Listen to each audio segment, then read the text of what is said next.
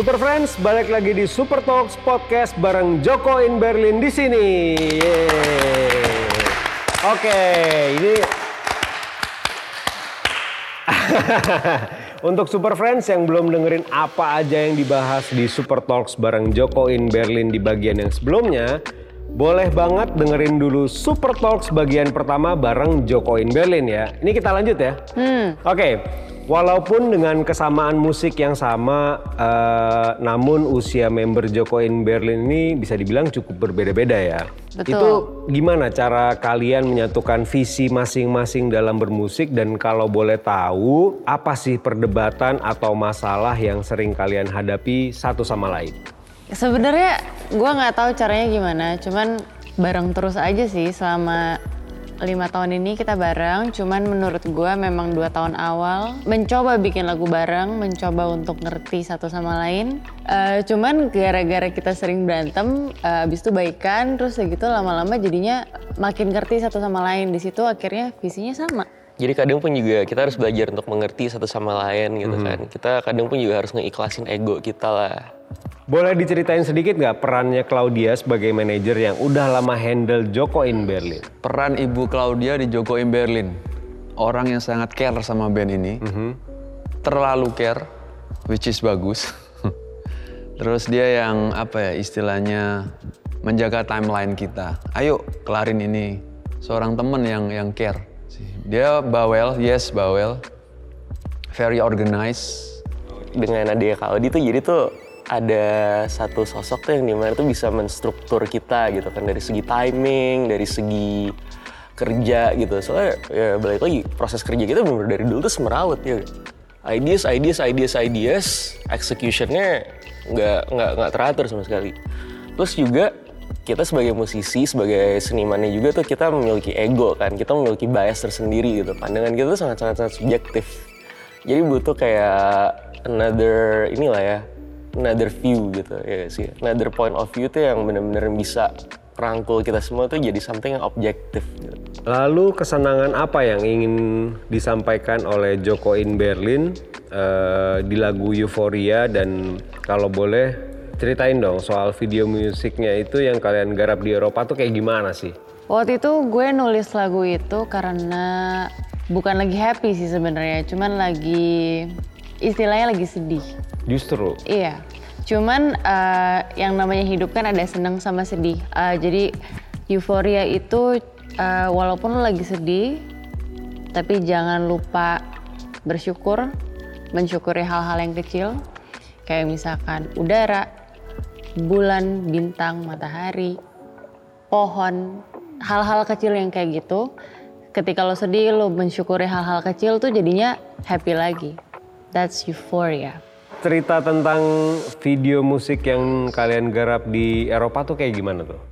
kedinginan yang pasti keseruan di situ sangat kedinginan terutama dia ya pada saat itu kita udah sore kita harus dapetin taksi yang yang open cup lah. Apa sih bahasanya ke open cup itu apa tuh? Taksi-taksi vintage Convertible yang ya? ada convertible. convertible. Sebenarnya nggak convertible sih bang, emang nggak ada ya emang emang nggak ada atapnya aja. atapnya. Jadi pada saat itu kita udah kehabis udah taksi udah nggak ada semua taksi yang kita cari spesifik seperti itu. Si Franz ngelihat taksi itu dari jarak sekitar nggak tahu berapa meter tuh ya. Gue lihat di situ ada taksi Franz taksi itu Franz. Dia lari kenceng kencengnya itu dan akhirnya dapet kita dinaikin mobil dan Melita lu kedinginan ya tuh Mel ya? Itu di keliling kita keliling kota tuh dengan ang- dengan dingin uh, open cup gitu dingin angin. Ya lumayan lah ya. Lumayan seru sih. Habis gitu kita lanjut lagi naik kereta kuda. Tapi lu guys sadar nggak sih pas naik kuda lu? Nggak kecium sesuatu gitu kan kudanya? Lupa, lupa ya terlalu bahagia. iya ya Nah, banyak audiens Joko in Berlin yang terpukau banget dengan cara Melita bernyanyi. Lo bisa menempatkan ciri khas vokal yang lo nyanyikan walaupun vibes lagunya terdengar beauty, gloomy, bahkan cheerful dan upbeat juga.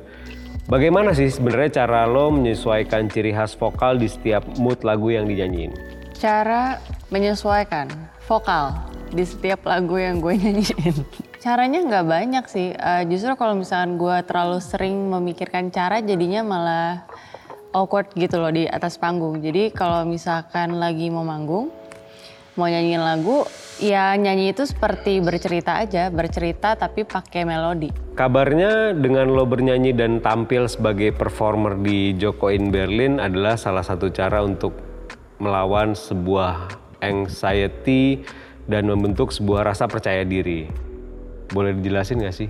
Untuk anxiety ya, Hmm. Hmm, mungkin sekitar di umur 23 tahun, eh, gue punya anxiety disorder kata dokter. Jadi punya banyak symptoms yang menyebabkan entah pingsan, entah nggak bisa makan, entah nggak bisa nafas kayak gitu.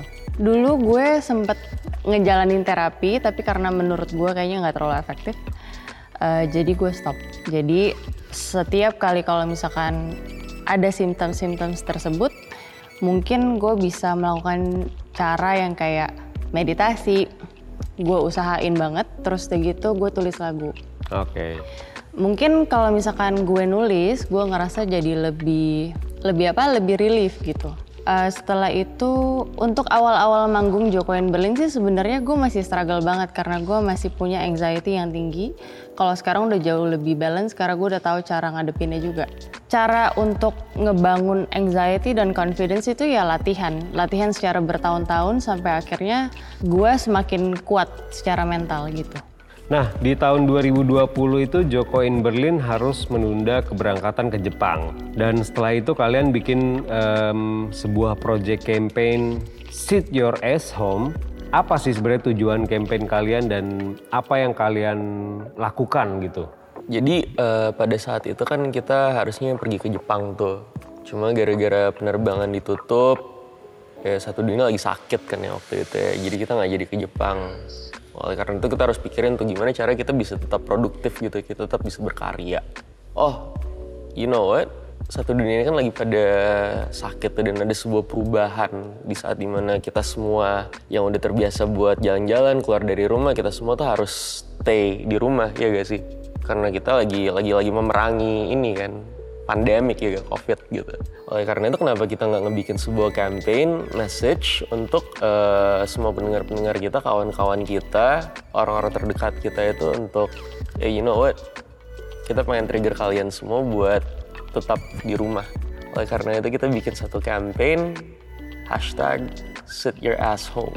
Sampai kita bikin kaos ya waktu itu ya. Iya. Eh, Sama sama apa lagi tuh kaos sama apa? Mas, masker. Masker. Oke, apakah di balik masa pandemi ini ada blessing in disguise yang kalian dapetin sebagai musisi? Blessing yang kita dapat pada saat masa pandemi ya. Kita jadi lebih ngulik lagi dengan segala keterbatasan mendalami ini uh, production at home uh, software untuk tetap bisa produksi. Apakah lagu Misanthropy itu adalah salah satunya dan kalau misalnya boleh tahu refleksi diri apa sih yang ingin disampaikan Joko in Berlin di lagu Misanthropy? Misantropi. Lagu itu mungkin kalau disama-samain sama gue. eh, gue ini orang introvert banget, parah. Tapi eh, kadang suka ngerasa bersalah gitu. Karena di saat orang-orang lagi ngumpul, kok gue sendirian aja gitu. Tapi di saat gue sendiri, ternyata sebenarnya energi gue tuh kayak ke charge gitu. Jadi ternyata it's actually a good thing. Jadi misantropi ini mungkin message-nya kalau misalkan lo lagi pengen sendiri untuk recharge, ya nggak apa-apa gitu, nggak nggak usah merasa bersalah. Nah, banyak juga single yang sudah kalian keluarkan sejak tahun 2018. Kemudian apa sih yang terfikirkan oleh Joko in Berlin sampai saat ini untuk belum mau membuat album penuh? Kenapa sampai hari ini kita nggak mau bikin Album Kenapa? Gue tahu. Kalau buat gue bikin album adalah sebuah produksi yang panjang, beban gitu. Ya kalian kayak. Nggak suka pressure. Nggak suka pressure ya? Karena pressure udah bosen. Udah terlalu banyak pressure ya? Mendingan kita bikin single, single lempar, lempar, lempar, lempar, mau kelar 10 jadilah sebuah album, Album. gitu. Kalau gue sih pengennya dibikinin album ya. Ada kawan-kawan gitu, pendengar-pendengar kita yang bisa bikin kayak playlist urutan lagu. Itu kan yang paling ribet kan ya guys? Yeah. Betul. Terus kita tinggal kurasi pilih aja. Repertoarnya kayak gimana ya? Oke. Musik yang kalian sajikan atau single dari Joko in Berlin selalu dikemas lengkap dengan sajian video klip. Menurut kalian, seberapa penting sih sebuah musik video itu membantu merepresentasikan sebuah tema lagu kepada audiens dalam segi visual?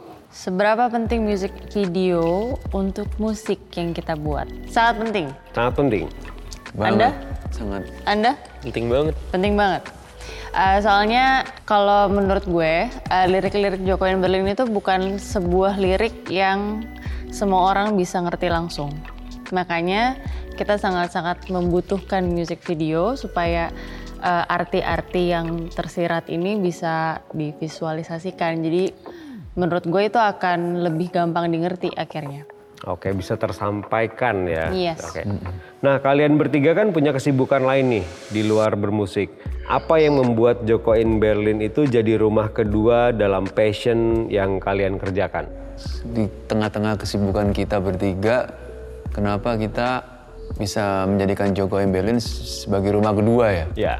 Kalau Joko in Berlin itu sebuah, menurut buat gue ya, itu sebuah kanvas yang harus tetap gue isi gambar, gue goresin sama warna segala macem. Kanvas yang harus kita tetap isi dengan lukisan. Rumah pertama sih buat gue. Jarang di rumah. Jarang di rumah. Rumah pertama itu Joko, rumah kedua rumah gue. Gue setiap kali kalau misalkan lagi di rumah atau apa gitu, gue tuh selalu pengen bikin something buat kita bertiga. Bikin lagu kah atau ideas tentang untuk sosial media atau TikTok gitu. Udah kebiasaan aja bikin karya untuk kita bertiga gitu. Eh, buat gue Joko in Berlin adalah sebuah tempat yang di mana gue tuh bisa memberikan sebuah idea ya, sebuah filosofi dalam bentuk karya gitu. Itu adalah sebuah batu nisan yang mungkin di saat di mana gue udah nggak ada gitu kan. Apa, ya mungkin sekarang kalau gue ada, gue bisa ngomong, iya gak sih? Kita bisa ngobrol, kita bisa bercerita gitu. Tapi di saat di mana gue nggak ada, setidaknya tuh ideas gue, filosofi gue, legacy gue tuh masih bisa tetap hidup gitu, iya gak sih? Oke. Apakah menurut kalian itu em, Joko in Berlin ini sudah tepat dengan formasi trio dalam sebuah band? Mengingat sebenarnya dulu Joko in Berlin itu pernah punya lima member tetap ya, dan eh, itu ada di bagian gitar dan juga drum. Gimana tuh? So far sih, kenapa Joko in Berlin bertiga ya? Kita sempat juga berlima. Itu sebuah perjalanan yang emang harus kita lalui. Kenapa tadinya lima, sekarang jadi tiga. Gue nyebutnya karena seleksi alam. Ya, kita ges bergesekan satu sama lain. Terus in the end kita harus, ya, format bertiga deh gitu ya. Kita coba bertiga tetap jalan gitu. Hmm, kita putusin tuh bertiga sih. Koordinasi lebih cepat dan bagi-baginya lebih Lebih enak. Eh, mungkin menurut gue dulu kita berlima, kita bangun band bareng. Eh, cuman kenapa bertiga ya mungkin dari kita berlima ini ya mungkin yang dua ini fokusnya bukan di Joko gitu. Mungkin kita bertiga yang kekeh banget pengen Joko yang berjalan mungkin gue juga nggak tahu sebenarnya. Pokoknya tiba-tiba kita di satu titik di mana oh ternyata kita bertiga ya yang mau jalanin Joko banget gitu. Kalau dari gue sih mungkin masalah inilah ya komitmen atau persistence. Soalnya ya kita udah ngeband lima tahun ya, iya gak sih? Seleksi visi kali ya istilahnya, bukan seleksi alam. And everyone else yang ada di sekeliling gue ya mereka harus bisa keep up, ya gak? Sama juga, gue juga harus bisa keep up sama kalian gitu. Kalau misalnya nggak ada yang bisa keep up, ya mau nggak mau ya cabut. Project-project apa aja yang udah kalian kerjakan dan selesaikan di tahun 2021 dan apa rencana Joko in Berlin di tahun 2022? akhir tahun 2021 kita sempet kita udah ngelarin sebuah single baru kolaborasi sama band namanya Cyclops. Judul lagunya Overthinking. Terus planning di tahun 2002 kita akan gua sih akan merilis dua lagu baru Joko itu yang akan segera kita kelarin Oke, ini terakhir kalau misalnya kita ngomongin eh, genre kita tahu Joko in Berlin ini lebih dinamis karena akan terus bereksplorasi dalam proses kreatif bermusik. Nah, kalau boleh dideskripsikan jika Joko in Berlin digambarkan sebagai orang dengan sifatnya dalam satu kalimat. Menurut kalian masing-masing itu seperti apa? Joko M. Berlin Dengan itu sifatnya.